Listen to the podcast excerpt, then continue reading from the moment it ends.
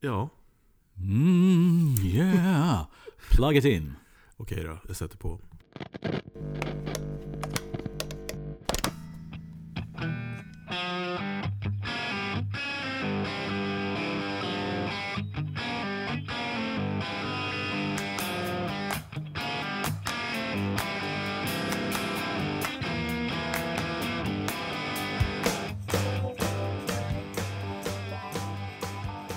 Hjärtligt välkomna till ytterligare ett avsnitt av Ultimate Guitar Gear Podcast. Yes. Jag, jag heter Ulf Edelön. Och jag heter Fredrik Hegamar. Idag Mm. så ska vi prata om eh, Comet Amplification. Yes. Och varför ska vi göra det för? Därför att Comet Amplification är någonting som har gått som en röd tråd och var en av de här förstärkarna som var med från början med Ultimate Guitar Gear. Jag skulle vilja Mm. säga att det är anledningen till Ultimate Guitar Gear. Mm. Och, Och- ja. och, och, och inte minst då Alltså Comet Amplification eh, får Fredrik berätta lite mer om här men kopplingen eh, Comet och Trainwreck. Precis. Och till att börja med ska vi säga så att Comet var ju banbrytande på internet. Mm. Eh, Jag vet inte om du kommer ihåg deras ljudklipp på förstärkaren. Alltså det var ju Mississippi Queen. sagolika Mm. ljudklipp. Och de var ju smarta nog också att lägga upp, inte bara kommit 60-klipp då, utan Mm. även ett expressklipp, Trainwreck Express, som man kunde jämföra. Det var ju väldigt smart. Mm. Men Men just det här kvaliteten på ljudklippen kommer kom jag ihåg. Och det här var ju, det här var ju liksom typ 2000. Mm. Eh, Det var inte, inte jättevanligt. Mm. Eh, Och när vi sen började med Ult- Ultimate Guitar Gear, då var ju vi en av de första sajterna på internet som hade video. Mm. Och det var ju för att jag jobbade ju med sådana där grejer då. Så det var ju, och, eh, för mig var det ju en vardag, men det var ju ändå ovanligt. Mm. Eh, och jag kommer ihåg att vi, vi lärde känna Lance Keltner. Mm. Eh, som efter det gjorde väldigt mycket demoklipp och sånt. Men då gjorde han ju de första klippen på Divided by 13. Mhm. Mm. Och vi, det var ju liksom så Divided by 13 marknadsförde sig.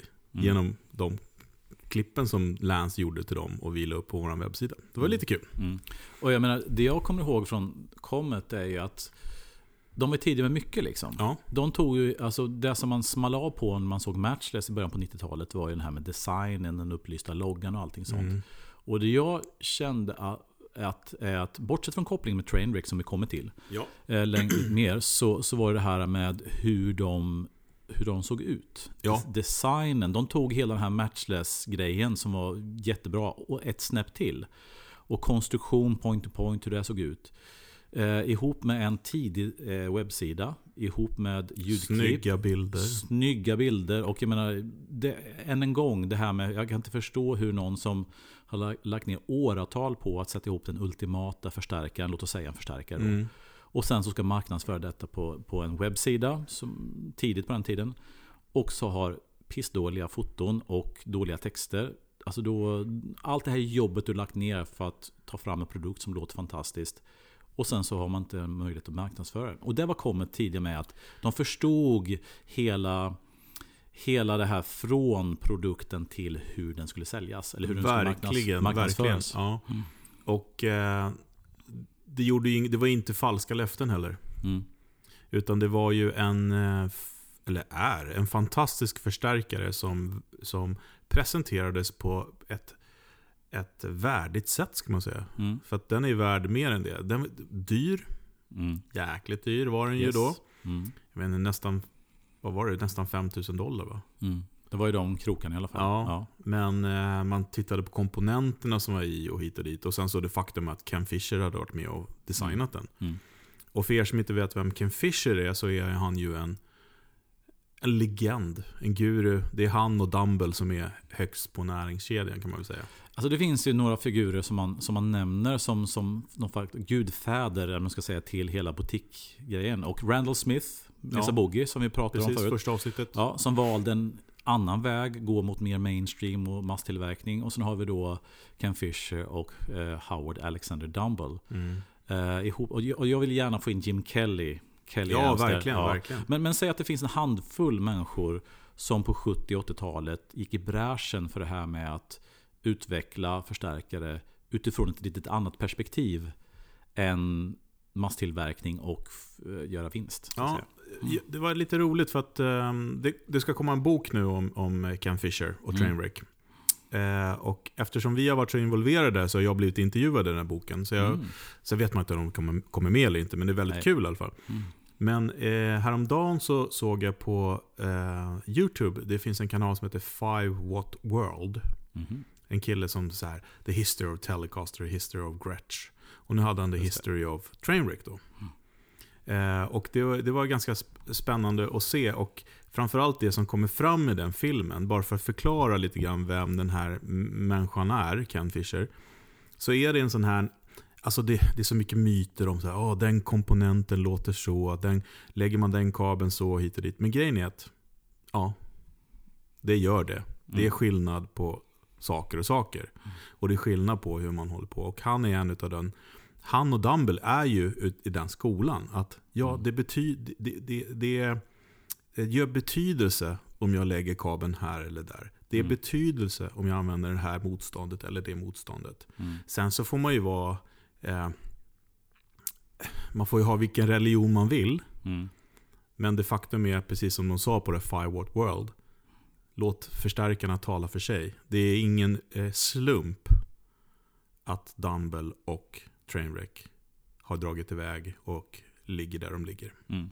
Är det magi? Är det, är det mojo? Eller är det mumbo jumbo? Det låter vara osagt. Men det är Mm. någon som verkligen så här har byggt och designat förstärkare utifrån sound. Mm. Sen ska jag också säga så här att, att det är en sak om du ska göra liksom en, en fyrkanalig high gain maskin Diesel, eh, Misobogi, you Det är en annan utgångspunkt. Så en annan utgångspunkt och då kan man inte jobba med kanske kabeldragning på samma sätt som Nej, du nej. kan på en väldigt simpel, och säg designmässigt, på pappret simpel förstärkare som Trainwreck. Mm. Och att den är simpel i layout och, och design innebär ju inte att det är ett simpelt sound. Men det det också innebär är ju att kabeldragning, små, små komponentändringar har mer, gör mer för ljudet än på en fyrkanals Ja, men eh, till exempel i den här filmen då, som nu har jag snart berättat allt i den. Nej, men Mm. titta på den. Ehm, Ken Fisher använder solida kablar. Mm. Bara för att eh, om man använder in icke-solida kablar så blir det fasfel i koden. Okej. Förstår du? Det är på den Mm. nivån. Och han Mm. anser det och andra tycker så att det är försumbart. Men för honom var det inte det. Nej.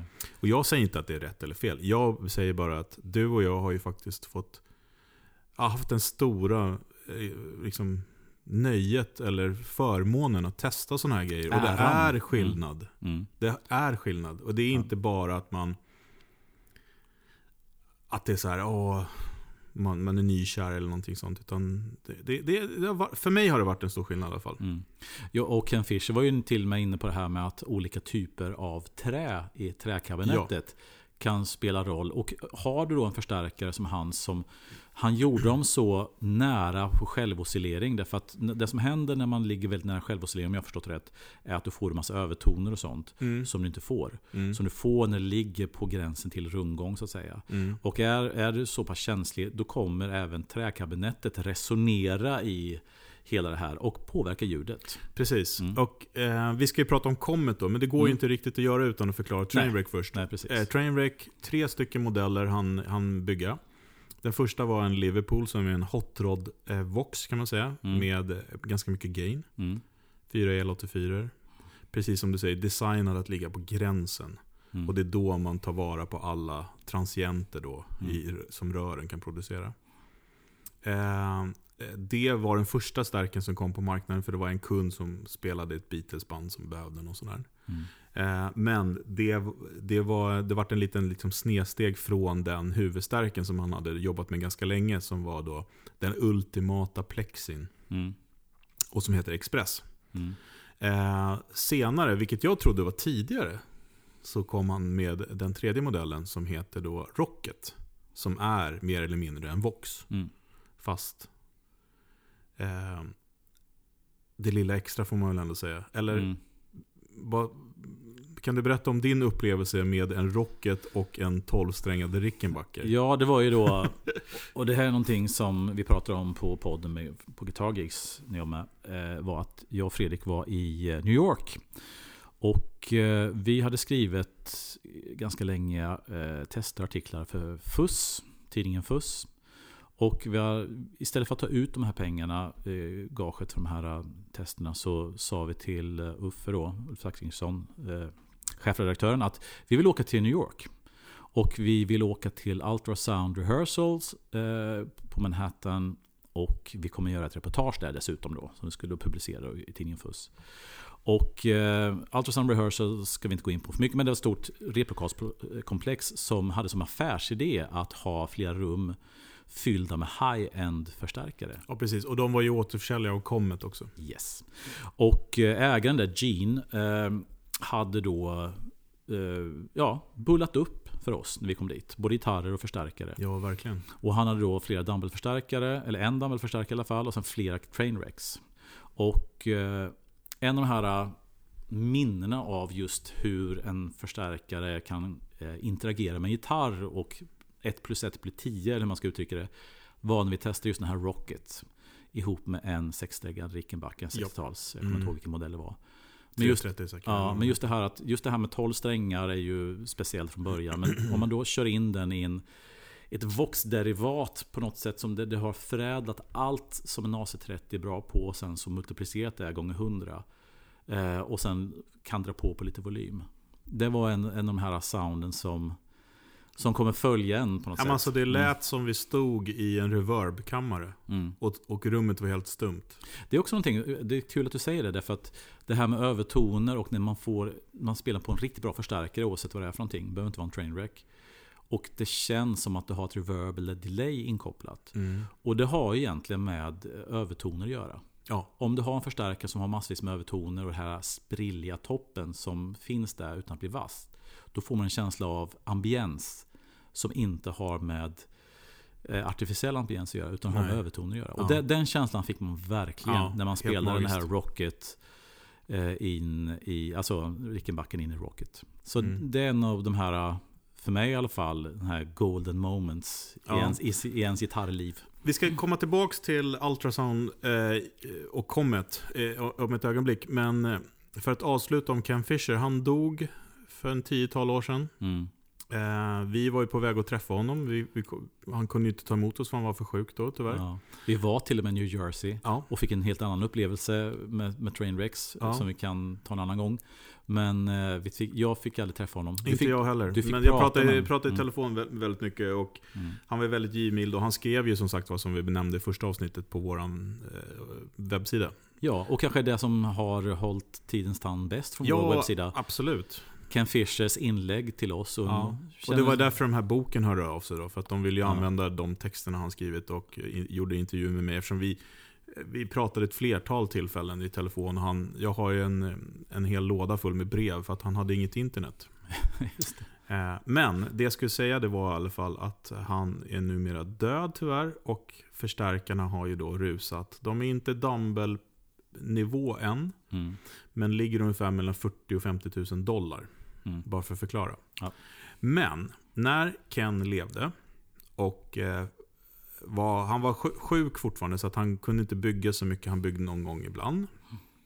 Så då vart han involverad i eh, ett projekt med Comet Amps. Som hette först. Notzel Amps, Ja, precis. Ja. Efter Holger Notzel. Precis. Som Mm. numera är jättekänd för att vara vintage guitar meck. Ja, precis. Må- Många som kommer till honom och får sin gitarr. Det är väldigt roligt. Ja. Men han bygger också förstärkare. Mm. Och, och faktiskt är att jag kommer ihåg att innan allt det här hände så, så för att Holger är ju från Tyskland och det kan till och med vara så att han bodde i Tyskland redan då. Eller om han precis har flyttat till USA. Men han gjorde då, innan, innan det blev Comet Amps, så hette de Notzel. Och jag kommer ihåg att jag såg den där Notzel på en bild och tyckte att det var en bland de coola. Alltså jag fick nästan samma vibb som Matchless som vi sa innan. Ja, Liksom. men det, såg ju väldigt, det såg ut som tidiga matches. Ja, den, var, den var så, såg så cool ut och den hade något hot rod över sig som, som bara skrek att jag är en cool förstärkare. Mm. Jag låter hur bra som helst. Det Ja, var, det var, när man såg bilden så fanns det ingen tvekan om att det är så det är. Nej. Och eh, sen några år senare så dök då Comet Amps upp. Ja. Mm. Och vi som många andra vart helt tagna på sängen av de här ljudklippen då. Mm. Eh, och eh, eftersom det var en väldigt dyr förstärkare i USA så gick vi och, och höll på att fundera på hur vi skulle få hem den. Och det var då Ultimate Guitar Gear föddes. Så vi bara, kan vi inte gå upp några stycken? Eh, och tillsammans ta hem grejer och eh, göra review på det. För kanske vi kan få lite billigare pris eller någonting. Ja, just det. Ja. Så vi beställde hem en. Ja, så att det var en co-op med mig och Fredrik och beställde en, en modell som heter K60. Så Ja, var de den hade modell- bara den då. Var den som Ja. enda de hade då på den tiden. Eh, och vi, vi gick in med 50% på den och fick hem den. Ja, och innan vi fick hem den, för vi köpte den begagnat, Mm. så skickade vi den till, till eh, Holger. Det var så? Ja, vi skickade den till Comet för att mm. han, d- han eh, det, var ju väldigt enkelt, lä- fick man ju lära sig sen, för att det blev ju några andra Comets efter den. Mm. Men eh, han gjorde om det till 220 eller Mm. 230.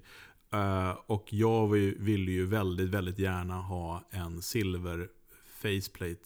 Du vill ju ha svart. Men jag, Ja. vill, jag stod på mig. Och eftersom det var jag som köpte loss dig sen från den så, så, så vann ju jag där då. då. Ja, helt klart. Men vi fick hem en svart eh, och vit så kallad Tuxedo. Mm. Eh, Comet 60. Mm. Eh, och det som var så speciellt med den förstärkaren, eh, det var ju att den hade en switch på baksidan. Mm. Som heter Gradual och Fast. Eh, och Gradual, då betedde den sig lite grann som en ja, vint, plex, plexi kanske. Kan vi Mm. säga det? Mm. Ja. Typ ish. Ja, men sen den kom Mm. ju den från den skolan, Ja, men det, ja, all, det ja. var liksom refined. Allting var Ja. refined. Liksom, så här. Mm. Mm. Det var mycket... Den var ju inte lika så här sweet, om man får använda det uttrycket, men den hade... Ja, det var ju en grym förstärkare. Mm. Och Pete Thorne la ju upp videosen när YouTube kom. Alltså, I, i gradual-läget så lät den lite mer som en inom situationstecken vanlig förstärkare. Ja. Mm. Men så slog man om till fast och då var det... Då var det liksom... eh, Ja, men som när man trycker i sportläget på en bra bil. Mm. Eh, chassit blev tajtare. Det kom ju, alltså den, den var så direkt som man... Man blev nästan rädd. Det här, det här klippet i, i Tillbaka till framtiden när Martin McFly spelar gura och bara åker bak. Det var lite så faktiskt. Ja. Och jag vet inte om man kan säga att, att, att när man står på fast så blev det mer, det var trainwreck-läget. Ja, så kan vi säga. Att, att, man, att där fanns den här äh, grejen som vi lite senare då eh, tyckte oss höra i trainwreck-förstärkarna. Ja, verkligen. Och, det, och och Ken då var ju med och vad ska man säga, postorder-designade den där. Mm. Ihop med dem. Och eh, frälste. Och det, så att eh, de första modellerna, det finns ju några X ute som eh, Ken har varit med och, och tweakat. Just det. De så kallade prototyperna. Som, Ja, mm, precis. Och, och eh, de är, Ken hade ju för, för vana att sätta eh, kvinnonamn på sina förstärkare. Mm. Så att de har ju tjejnamn då, de stärkarna. Och Mm. är ju ganska dyra om man hittar dem. Ja, precis. Och det ska också sägas att innan Ken Fisher eh, hjälpte Holger och Mike då, Mike, Ken- Mike Kennedy. Ja. Kennedy, eh, som är då de som har- driver Comet, så hade han ett litet annat co-op, eller två andra egentligen. Mm. Ett eh, som var med Kendrick Amps. Och eh, så det som blev resultatet av den var de så kallade Trainwreck Climax Precis. kombosarna. Jag tror det var kombosar, 212 va? Ja, och de såg lite ut som de här... Eh, det finns en transistorstärkare som eh, Billy Gibbons hade som heter Legend. Ja, just det. Ja. Mm, mm. Eh, och tänker Legend para sig med en tidig Mesa Boogie. Ja, men precis. Och, och de där Climax-förstärkarna dyker upp med jämna mellanrum. Och den dyker alltid upp och jag har köpt en Trainwreck, skriver någon på något in, in, diskussionsforum. Då blir man sågad. Ja, precis. Därför att eh, Ken Fisher, jag vet inte vad som hände mellan honom och Ken och Kendrick, men han, Ken Fisher tyckte inte att de här förstärkarna lät som en Trainwreck. Och eh, det är många som kan verifiera det. Och han var inte Ja, han har alltid varit control freak liksom. Och, Eh, om man säger så här, Kendrick, eh, han cut corners. Ja, precis. Och det gör inte... Ja, så, så att det samarbetet blev inte lyckat. kan man säga. Men eh, eh, du och jag testade ju en sån när vi var i New York. Mm. Och det är ingen dålig förstärkare. Nej, det är det inte. Den, den, den, jag tyckte att den var väldigt bright och lite vass, men den hade någonting som var lite coolt. Ja. Ja. Och eh, in, innan vi var...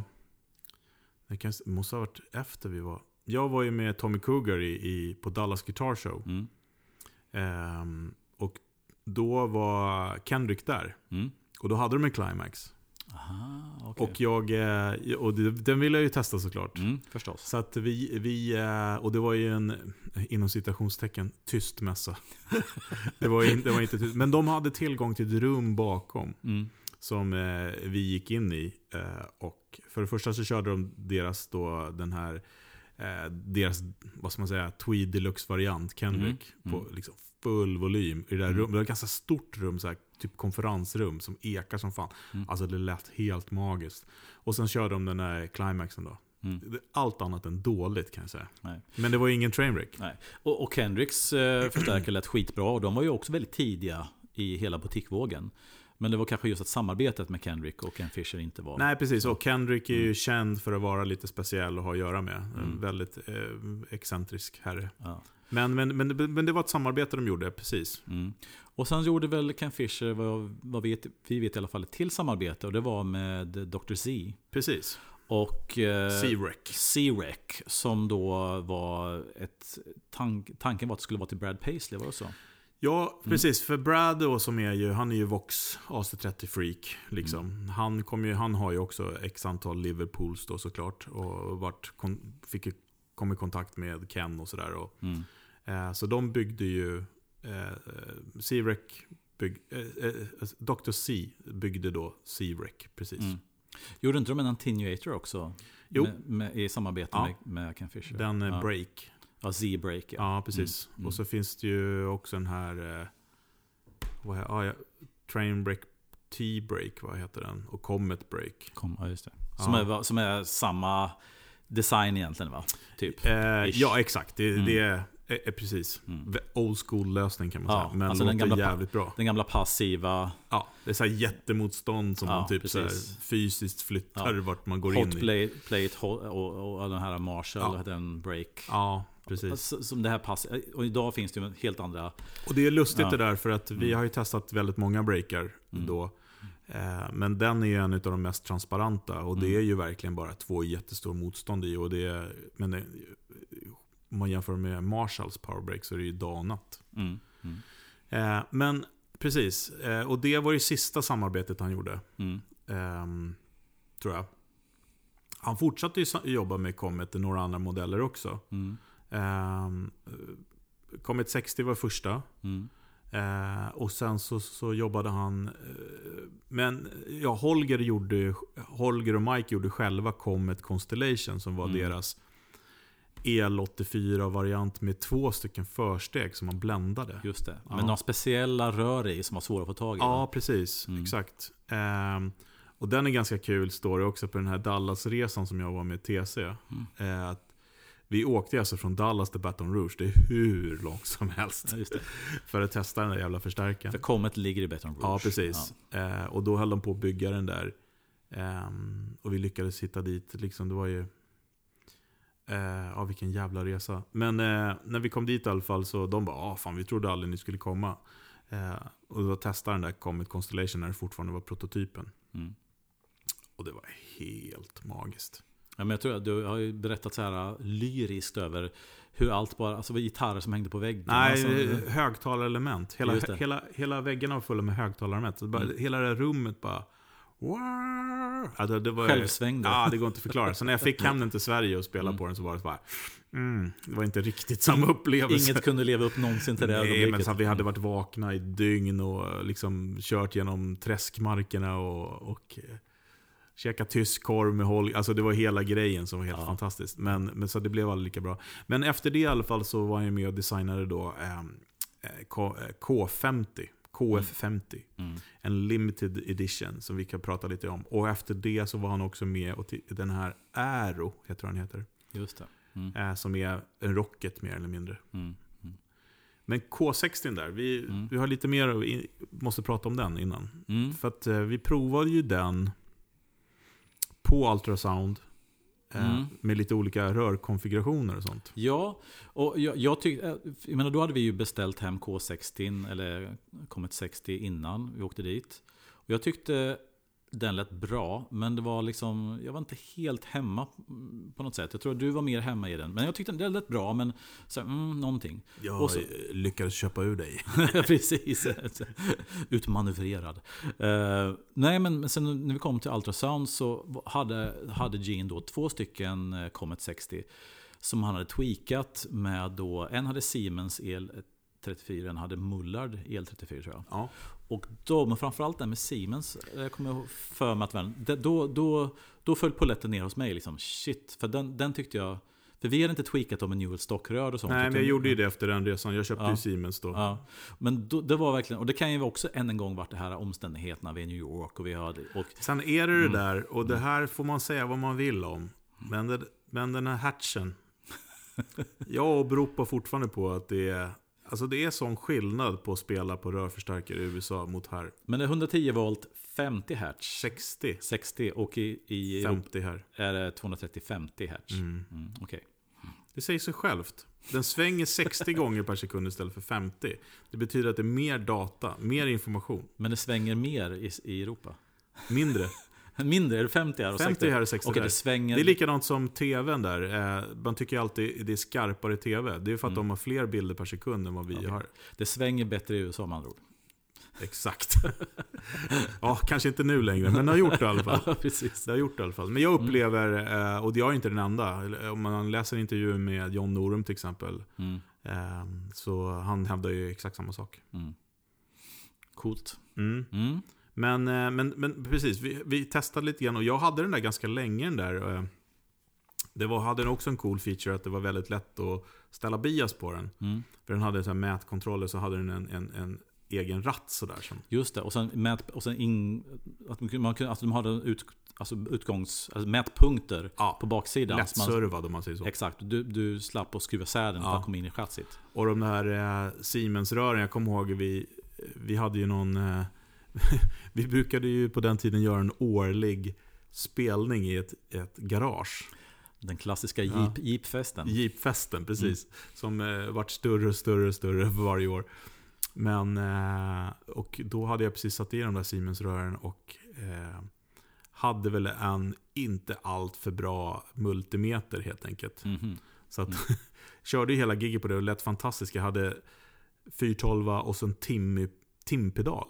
Just det. Kommer du ihåg det? Alltså den stora, inte, Den föregå- stora, ja, men vi, lär, vi Timmy. träffade ja. ju Paul Cochran i, i, i uh, NAM ju. NAMM, ja. Ja, han gjorde ju Mm. special edition till oss.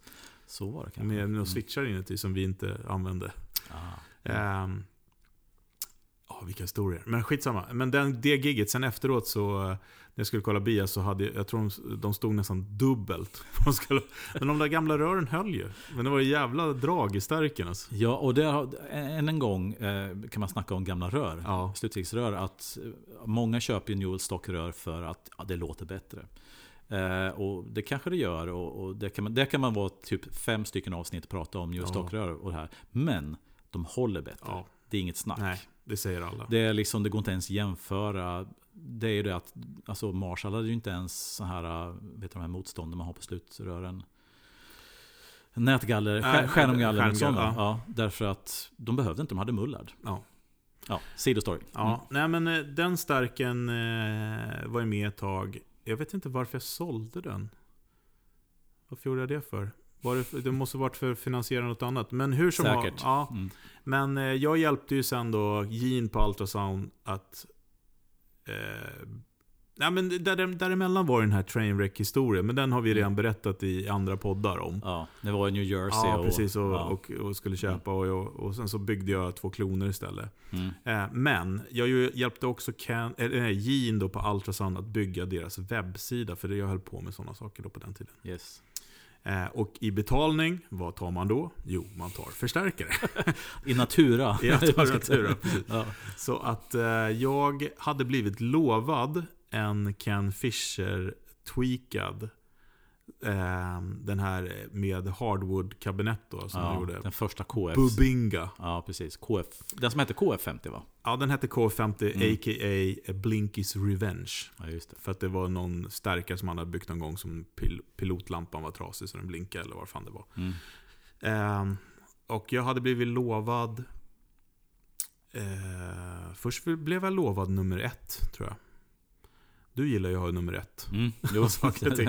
en fetisch. Eh, ja. Men eh, hur nu haver så eh, vart det att eh, Slash skulle ha den. Mhm. Eh, och då vart jag lite besviken först. Eh, för att liksom, de hade ju lovat mig att jag skulle få en Ken Fisher tweakad. Mm. Liksom. Och han var så jäkla risig då, så att han var liksom, ja, han dog ju kort efter. Så att Mm. Mm. det hade ju varit väldigt kul. Liksom. Men Mm. Gene då, då, som driver allt och så, han bara, ja, han har ju lärt känna mig då efter ett tag. Jag hade ju varit där jättemycket och fotat och byggt. Mm. Och, han bara, det där är ingenting för dig. Den är tweakad på, det är inte, det är inte ditt sound. Så, ja, men jag Mm. vill ha den ändå. Liksom så här. Ehm, eh, och då så blev, vänta, vänta, säger jag rätt nu? Eller var det så att jag fick? Ah, skitsamma. Mm. Eh, jag fick inte den jag skulle, utan jag fick en annan. Mm. Och jag, men jag fick testa den andra. Mm. Och han hade rätt. Ja, just det. Det var inte mitt sound Nej, alls. precis. Precis, Så att, eh, det var det vart lyckat. Eh, så då hade jag en sån K50. Mm. Det som senare blev när det kom i produktion. För det var ju en limiterad, 50 stycken va? Eller var det? Nej, Ja, 20. 20. Ja, Och sen så blev den som blev Concorde sen va? precis. Exakt samma stärk fast utan hardwood eh, Ja. och så. Ja. Eh, och det är där, där gjorde ju eh, Pete Thorne de här legendariska klippen. Det var ju så han gjorde sitt namn. Mm. Eh, Det var ingen som visste vem Pete Thorne var. Mm. Han spelade i och för sig med Melissa Etheridge, men, Mm. men de där, i, i gitarrvärlden så var det ju... Han gjorde några klippen, han sitter med sin 335 och spelar med Concorde och man bara Holy moly, vad bra Mm. det låter. Mm. Och där, du brukar ju nämna också som en favoritljud i, min Ja. arsenal. Jo men precis, och, och det var ju den herrans massa år sedan. Jag tror att det var en kombination av eh, din KF50 ihop med en gammal AC30. Och det var en topp och låda. Ja, sluten låda. Ja.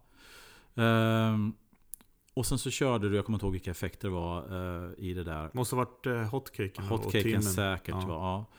Och just kombinationen av dem, alltså det här med ljudminne är alltid Ja. förrädiskt. Därför att man, ens referenser ändras ju med åren och sånt. Men mitt minne av att... Det var hotcake och DD2, kommer jag ihåg. Ja. Och, och sen KF, KF50 ihop med en gammal AC30 med eh, Alnico-element då förstås. Mm. Det ljudet spökar fortfarande i mina drömmar. Nej men alltså det, det var ett jätte, jättebra Jag kommer ihåg att jag Mm. parkerade den toppen i några år för att jag tyckte att den var så jävla fet. Mm. Eh, då hade jag spelat den här Trainwreck-klonen lite grann och de, de är ju väldigt sprilliga. Ja, och tunnare. Alltså inte Ja, men riktigt... sitter så otroligt bra i mix liksom. Mm, mm. Så jag tyckte den var för fet. Men sen började jag använda den mer och på slutet så använde jag ju den K50 ihop med Mystic och Bradshaw-riggen som jag hade. Mm. Mm. Eh, men absolut, det var ju en grym stärk. Men, nu höll vi på att glömma en förstärkare som också var limiterad. Som var helt magiskt. K80 med Ah. KT88. Är det den som nästan har blivit Silver Cloud nu va? Jag tror Ish. det. Ja, jag tror ja, det. Ja. Men du vet, jag testade den där. Jag tror inte du har testat KT80. Nej. K- K80. Jag Nej. tror det var när jag var där själv. Alltså... oh.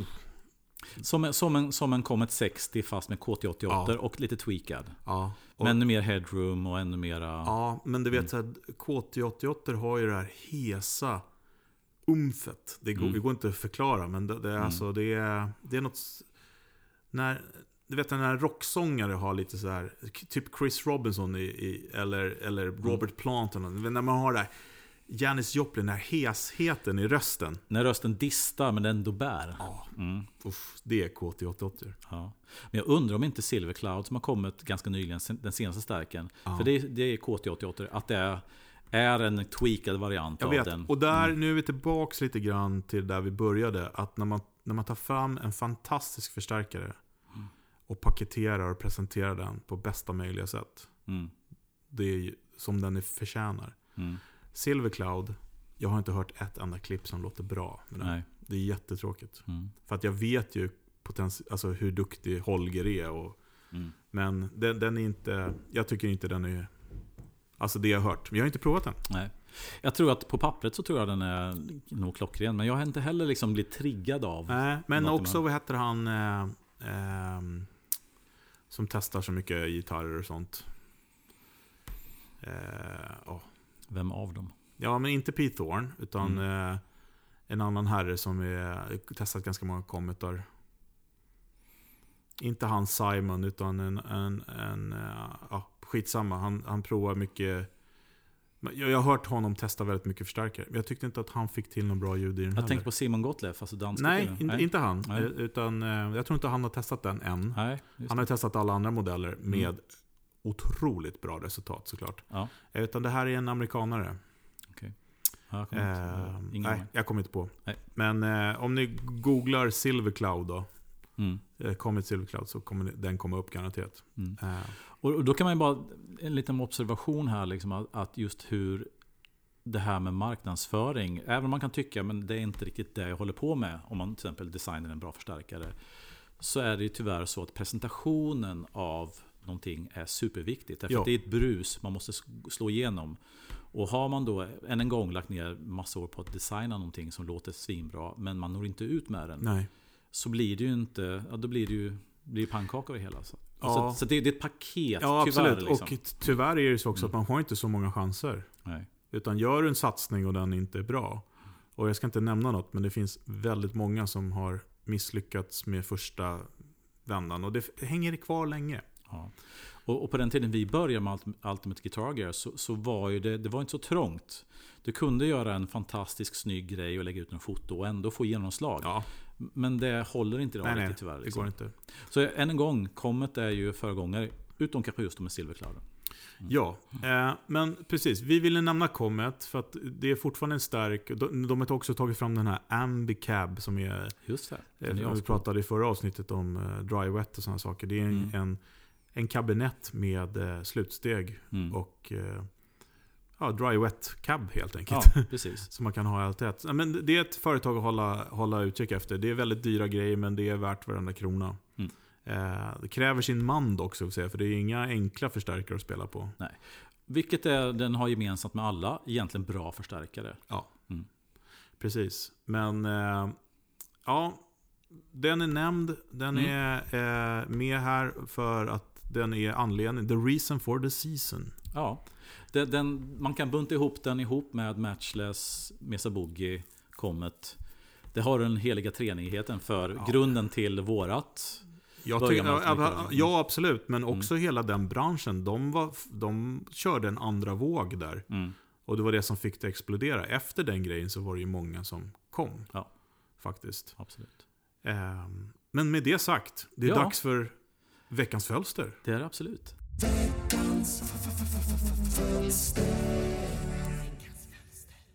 Välkomna till veckans fölster.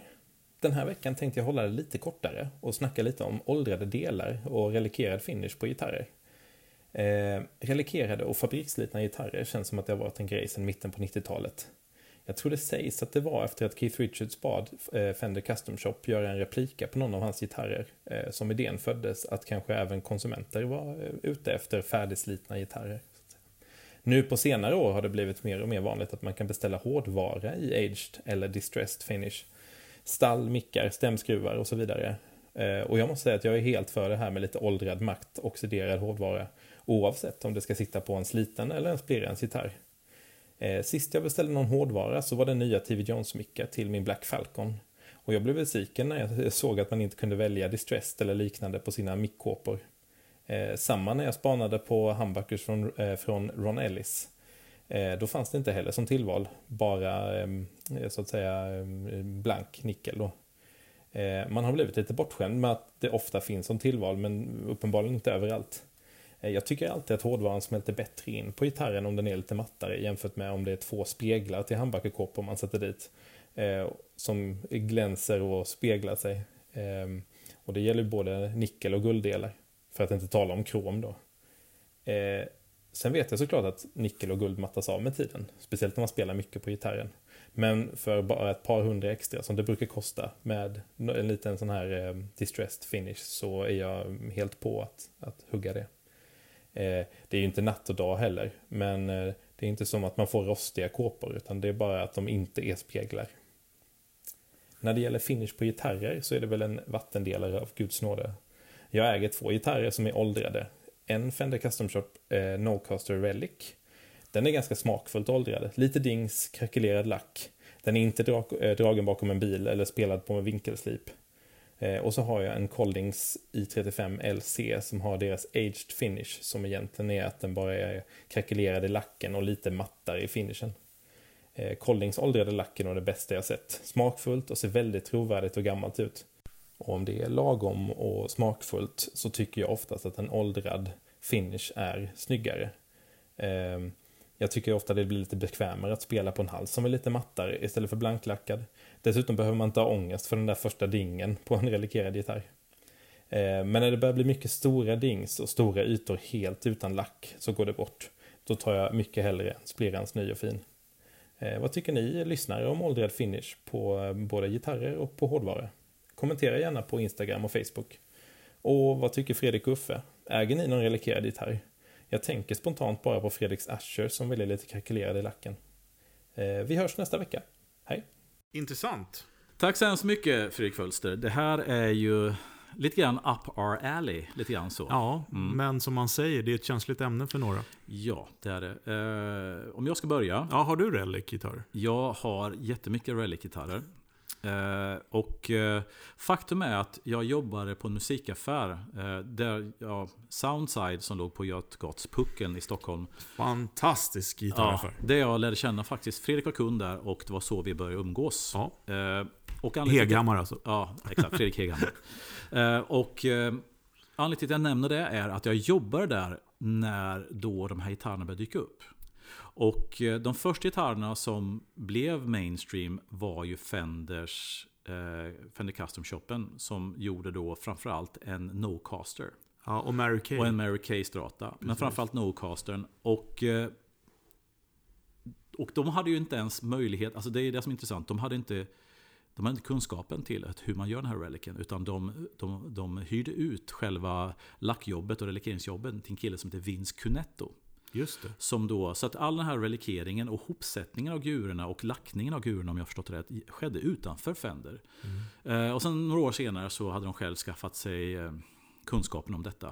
Eh, men de här tidiga Cunetto-era eh, No-casters och eh, straterna, de är ju legendariska. Och jag kommer ihåg när jag stod i, i Soundside och såg de här första gången. Shit, en ny gitarr, fast den ser gammal ut. Och de var väldigt bra de här gitarrerna, kommer jag ihåg. Ja, jag tänker ju på Lasse Bjurhäll, som mm. hade både Stratan och eh, Telen. Jag tror han har sålt Stratan, men har kvar Telen. Telen har kvar, tror jag. Men mm. vilka fantastiska instrument. Ja. Och också shoutout till Lasse som är en fantastisk gitarrist. Ja, verkligen. Och, och det som Vince Cunetto var så duktig på, för han satte ju ribban ganska högt. För att de rel relikeringarna han gjorde var väldigt bra. Ja. Faktiskt. De var riktigt, riktigt bra. Trovärdiga. Ja, och faktum är att när Fender tog tillbaka relikeringen bara några år senare så var det mycket sämre. Ja. Jag kommer ihåg de första Fender Custom Shop-relikeringarna som kom. Det var bara så här, men de var inte alls bra. Eh, så att Cunetto satte en hög ribba och jag där börjar, alltså man, jag, fram tills dess hade jag alltid varit intresserad av vintagegurer och hur de åldrades. Men hur plötsligt kunde man köpa en ny gura som inte kostade skjortan. Som hade samma vibe som en gammal gura. Jag tycker liksom så här, utseendet är en sak. Men också känslan i de där som har gjorts rätt. Till exempel eh, att framförallt strater och telecasters. Mm. Att, att det känns jävligt bra också. Mm. Många av dem. Ja. Jag vet inte, Les Pauler och sånt har inte varit samma upplevelse med. Eh, och Fölster nämnde ju att jag har den här Asher-gitarren. Mm. Men den är mer så att den är... Ja men, det är lite mattad elektronik och den är krackad. Mm. Men den har ju fortfarande känslan av en, av en ny gitarr så att säga. Ja. Med, med, Medan, eh, ja, ta en Exotic då till exempel som är... Eh, den har ju känslan av en gammal gitarr. Ja. Jag håller med dig. Jag tycker, att liksom, jag tycker nog att Fender Alltså Fender-aktiga gurer passar bättre i relikerare. Sen har jag sett liksom några Murphy Les Pauler som ser fantastiska ut. Oh ja. Så att det, det är inte det. Men, men eh, generellt sett så diggar jag relikerade gurer. Eh, men alla relikerade gurer är ju som sagt inte skapade lika. Eh, Jag har några som jag tycker är jättebra, och sen har jag några som jag tycker är mm, sådär, som jag hade lika gärna kunnat strunta i. Och sen så tycker jag ibland att ibland vill jag ut, är jag inte ute efter dingsen eller de här märkena, utan jag är ute efter kanske en lite mer en mattad lack. Ja. Där lacken oxiderat lite grann och kanske lite, det är lite cracks. Men inte så mycket mer. Eller där de kräm, krämbindingsen har blivit lite ännu mer krämaktiga och att, att man får en känsla av att det här är ett gammalt instrument. Men det är inte någon som har stått och slått med en Nej, hammare jag på håller den. med dig. Mm. Eh, Men eh, om man ska svara på frågan där lite grann. Jag är, jag är inte emot det. Absolut inte. Nej. Eh, Jag tycker att det är självklart. ehm, Jag gillar inte för fina gitarrer. Det Mm. låter jättekonstigt att säga. Men det, jag kan inte riktigt identifiera mig med en möbelgitarr, om man får använda det uttrycket. Nej. Eh, Så att för mig får det gärna vara relic. Och jag tycker inte det är töntigt. Nej. Sen så ska jag också, det här med att hur man gör relics. Det är alltså, ett tag så, var det, så, så använde vi väldigt mycket kylspray. Mm. Alltså att på nära håll. Och då fick man de här spindelvävscrackerna. Just det. Som många tyckte var coolt. Men som jag inte tyckte såg rätt ut. Men till exempel Frank Guitars, Frank Brothers Mm. Guitars. De är väldigt duktiga på att göra eh, kylcracks som ser rätt ut. Mm. Så det är också en konst. Hur Jag, man jag tror Mm. på, eh, jag vet inte, men jag tror på Ashen, den är nog skuren. Ja, exakt. Och det är ju lite Murphy också. Ja. Att man kan få fram crackerna på olika sätt. Man kan, man kan jobba med ett, ett eh, rakblad för Ja. att göra då, alltså, alltså helt enkelt rent fysiskt. Och, de, och de, Ja, den visade jag ju dig häromdagen. Det är lite Mm. roligt nu, för nu har den börjat självkracka. Just det, Och då kommer kraxen åt andra hållet. precis. Det är lite roligt. De riktiga De cracksen. riktiga cracksen går horisontellt istället för vertikalt. precis. Ja, men, men, eh, nej, men det är fint, fint när gitarrer får lite, lite personlighet. Sådär. Eh, kan man köpa färdig personlighet? Ja, varför Mm. inte? Sen kan jag tycka att det, ibland att det går lite inflammation, inf, i, inflammation. inflation i det här med eh, ageade. Men det har ju snarare skapats en hierarki. De som är riktigt, riktigt duktiga på det här med aging. Det tycker jag fortfarande är ascoolt. Mm. Och sen kan jag bli lite avtänd på lite dålig Dioda Relics. Då kan jag tycka att Ja, men det håller jag med om. Ja, men, men i slutändan liksom. så, jag, jag, jag känner alltid först på hur gitarren spelar och sen så hur den ser ut. Ja. Eh, men det är klart att eh, jag gillar ju när det är liksom, jag gillar ju gamla instrument, men de måste ju spela bra. Det, spelar, det räcker inte bara att de ser coola ut. Nej. Och precis som Fredrik säger då, det här med lite, lite så här, eh, hellre lite distress, alltså att den är lite krackad, mm, än, än trasig. mm, Eh, och hellre då lite så matta metalldelar än högblankt. mm. Men det är klart, köper jag en, skulle jag köpa en PRS med flammig grön eh, flame, Mm. Då skulle jag ju inte vilja, då vill jag ha blanka grejer. Ja, fast tänk dig en riktig eh, Private Stock PRS med all den här, du vet, tubular quilt top. Ja. Som är helt total relikerad. Jo, jo men, men det var inte det jag menade. Jag menar Nej, om, man, okej. om man har, har en liksom en, en, en möbelgitarr, Mm. då vill jag ju ha blanka kromade grejer. Jo, precis. Det var så jag menade. Ja, Okej, jag fattar. Men eh, det ena tar inte ut det andra. Nej. Men eh, kör på vad ni vill. Ja. Helt enkelt. Precis. Ja. Är vi redo för veckans pryl då? Absolut. Ja, okej. Veckans pryl. Veckans pryl. Veckans pryl. Yeah. Veckans pryl. Veckans pryl. Ehm, jo, vi nämnde det lite tidigare i programmet här, men jag har valt veckans pryl eh, eh, Hotcake. Hotcake-pedalen. Mm. För det är ju någonting, det är också så här roligt, för mig så är det så här, hot, det, är ju Ulf Edelön. Ja, just det. Ja, eh, och Hotcake-pedalen, Crowther Audio va? Mm. Nya Zeeland. Yes. Eh, när kan den ha kommit? Det är en väldigt bra fråga. Det är minst 15 år sedan. Om inte Ja, mer. mer. 20. Nej, det är alltså, vänta, vänta, det? 18 år sedan var jag i Dallas och köpte min Comet Cake. Ja. Nej, men alltså, 25 minst. Ja, det är det nog. För han gjorde väl den till Neil Finn, va? Till, I Crowded House. Okej. Och det är ju nog säkert 80-tal då. Mm. Mm. Han hade ju någon annan pedal som heter Mustard and Prun, va? Eller någonting sånt där. Ja, Ja, som- Ja. ja. ja skitsamma. Ja. Men, men Hot Cake då. Den ultimata Vox AC30-pedalen för drive. ja alltså den har ju blivit det på något sätt. Och eh, Det är den. Alltså den är en fantastisk, jag tycker den fungerar väldigt bra i brittiska stärkare överhuvudtaget. Ja. Och att den funkar så jättebra i en Vox är av exakt samma skäl, fast tvärtom, som en Tube Screamer funkar väldigt bra i en Blackface-stärk. Ja. Därför att en Vox har ju då ganska lite bas och väldigt mycket midrange och lite, ja, ganska mycket topp, men ändå lite jämfört med mellanregistret, lite skuren i toppen. Medan då en, en hotcake har nästan en happy face. Alltså den är ganska basig, lite mindre mid och sen lite mera diskant. Yep. Så den kompenserar ju en AC30 precis på samma sätt som en Tube Screamer, Tube Screamer kompenserar en Blackface stärk. Precis, och den, den kan ju göra... Det är en jättebra boostpedal. Mm. Det är en bra overdrive. Mm. Det är en bra distpedal. Ja. Och nästan en bra fuskpedal. Ja, för när man, när, man, drar på gainen så blir gainen, om man är över klockan 12 eller klockan 1, 2 på gainen så börjar gainen bli lite fussig. Mm. Lite lös i konturen. Ja, lite tweed-fräsig. Mm. Så att det sättet som jag använde den på var att ställa gainen på cirka klockan 9 och sen så eh, volymen efter behov. Så att det blir som en clean boost. Och drog man upp gainen på klockan 10-11 så fick man en, en assnygg crunch. Mm. Och den var, tycker jag, det var en av de första pedalerna, för, i och med att den var tidig med att få den här naturliga overdrive-crunchen. Den som, den som många butikpedaler idag är duktiga på att göra. Men som på den tiden inte var jättevanligt. Nej. För lyssna på en, en Tube Screamer eller, eller en Rat eller någonting annat. Eller en Odietta. Så var de mycket, de färgade mycket mer.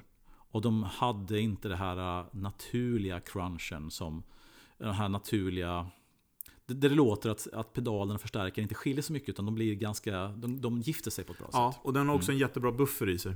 Yes. Eh, det märkte jag när jag tog bort den från mitt bord. För jag har inte det på mitt bord längre. Nej. Eh, vilket är lite tråkigt. Inte jag heller. För det är en, verkligen en favoritpedal. Eh, När jag tog bort den så dog hela mitt pedalbord.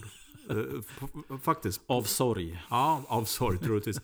Men eh, eh, det roliga är också med hotcaken att både du och jag har ju överraskat väldigt många personer. För att i och med att vi, vi hade den här webbsidan, många hörde av sig, vi var på mässor och sådana saker och ställde Mm. ut. När folk har testat hotcake i Fender-förstärkare, för det är också en sån här rykte. Mm.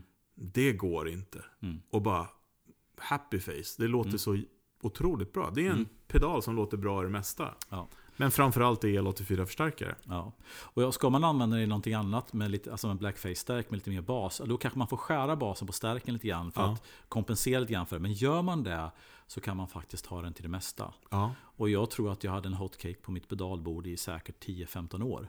Och det är faktiskt bara sist för ett eller två år sedan Jag skulle jag, säga 20 Uffe. är så gammal. Ja, det, det är du. nej, ja, nej, men du har haft den länge, absolut. Ja, och det, jättelänge. Och eh, skulle jag sätta tillbaka den skulle jag antagligen känna, ja, Ja, sådär. Men samtidigt är man ju nyfiken att testa andra ja. grejer. Men det Och- som är kul också, jag jag nä- nämnde ju den här Dallas-resan som jag gjorde med TC. Mm. Eh, jag pratade nämligen med Ken Fisher och, så- och, och så sa han så här, ja det finns något som heter Comet Cake. Mhm. Jag bara, vad fan, vad är det? Mm. Ja, men det visade sig att Hotcake då, det var ju då Ken Fishers favoritpedal också. Mm. Till, Ah. till sina Trainwreck-förstärkare. Och de, de förstärkarna ville man ju helst inte ha pedaler i. Nej. Eh, men den var hans favorit. Och Mm. det var så roligt. Då hade han fått två stycken skickade till sig från... Mm. från eh, vad heter han egentligen? Heter han Ben eller Ken? Heter han också Ken va? Nej? Crowther, jag kommer inte vad han heter. efter. Ja, skitsamma. Mm. Eh, men han hade skickat i alla fall två stycken. Eh, och då gillade ju då Ken Fisher ena bättre än den andra. Och bara, nej men vadå, det ska vara två likadana. Nej, den här låter annorlunda än den andra. Den har liksom tajtare bas och såna grejer. Och det var ju så att det var ju en komponent som var fel i den. Aha, okej. Och då började de, kunde man specialbeställa dem som heter Comet Cake då. Som med den här lilla komponentändringen. Ja, så jag Mm. har en sån Comet Cake. Mm. Och det, en story var att jag eh, hade då hittat en sån på nätet och skulle träffa den här killen på, eh, på Dallas Guitar Show. Mm. Någon snubbe som också spelade där. Mm. Skitgrym snubbe. Han spelade Comet då såklart och hade Mm. Comet-caken. Mm. Och vi skulle ses vid entrén och han kom aldrig. Han, han, han ångrade sig för han spelade mer på gigget och innan. Och sen så, så ville han inte sälja den så han kom inte. Han bara schappade liksom. Men jag lyckades få tag, få tag på en i alla fall. Så min skiljer sig lite från din. Min, min är tajtare i basen än original. Right. Eh, och var då, passade väldigt bra ihop med Comet-förstärkaren. Mm. Och ja, precis. Och det här med att ha lite mycket bas, det delar den ju faktiskt med den här Nobels ODR1. Just Att, att, och, och de har ju beröringspunkter som faktiskt, det här med naturliga overdriven. Så Ja. de är lite närbesläktade tycker jag. Ja, så att eh, det var veckans pryl. Veckans pryl. Hot cake. Mm. Testa en. De är inte så dyra om man hittar dem. Nej. Jag vet, görs de fortfarande? Det tror jag va? Det tror jag nog. Ja. Absolut. Men eh, det, man ser dem ibland begagnat så Mm. testa en vet jag. Ja, absolut. Mm. Men du, Mm. eh, tack till Mackie. Som gör att vi kan låta. Ja, mickar, ljudkort, hörlurar, låter kanon. Ja. Och eh, vi ses nästa vecka. Vi gör det. Ja. Det är klart. Kickar ut då. Ja, jag kickar Ja, ut. bra. Bra. Hej.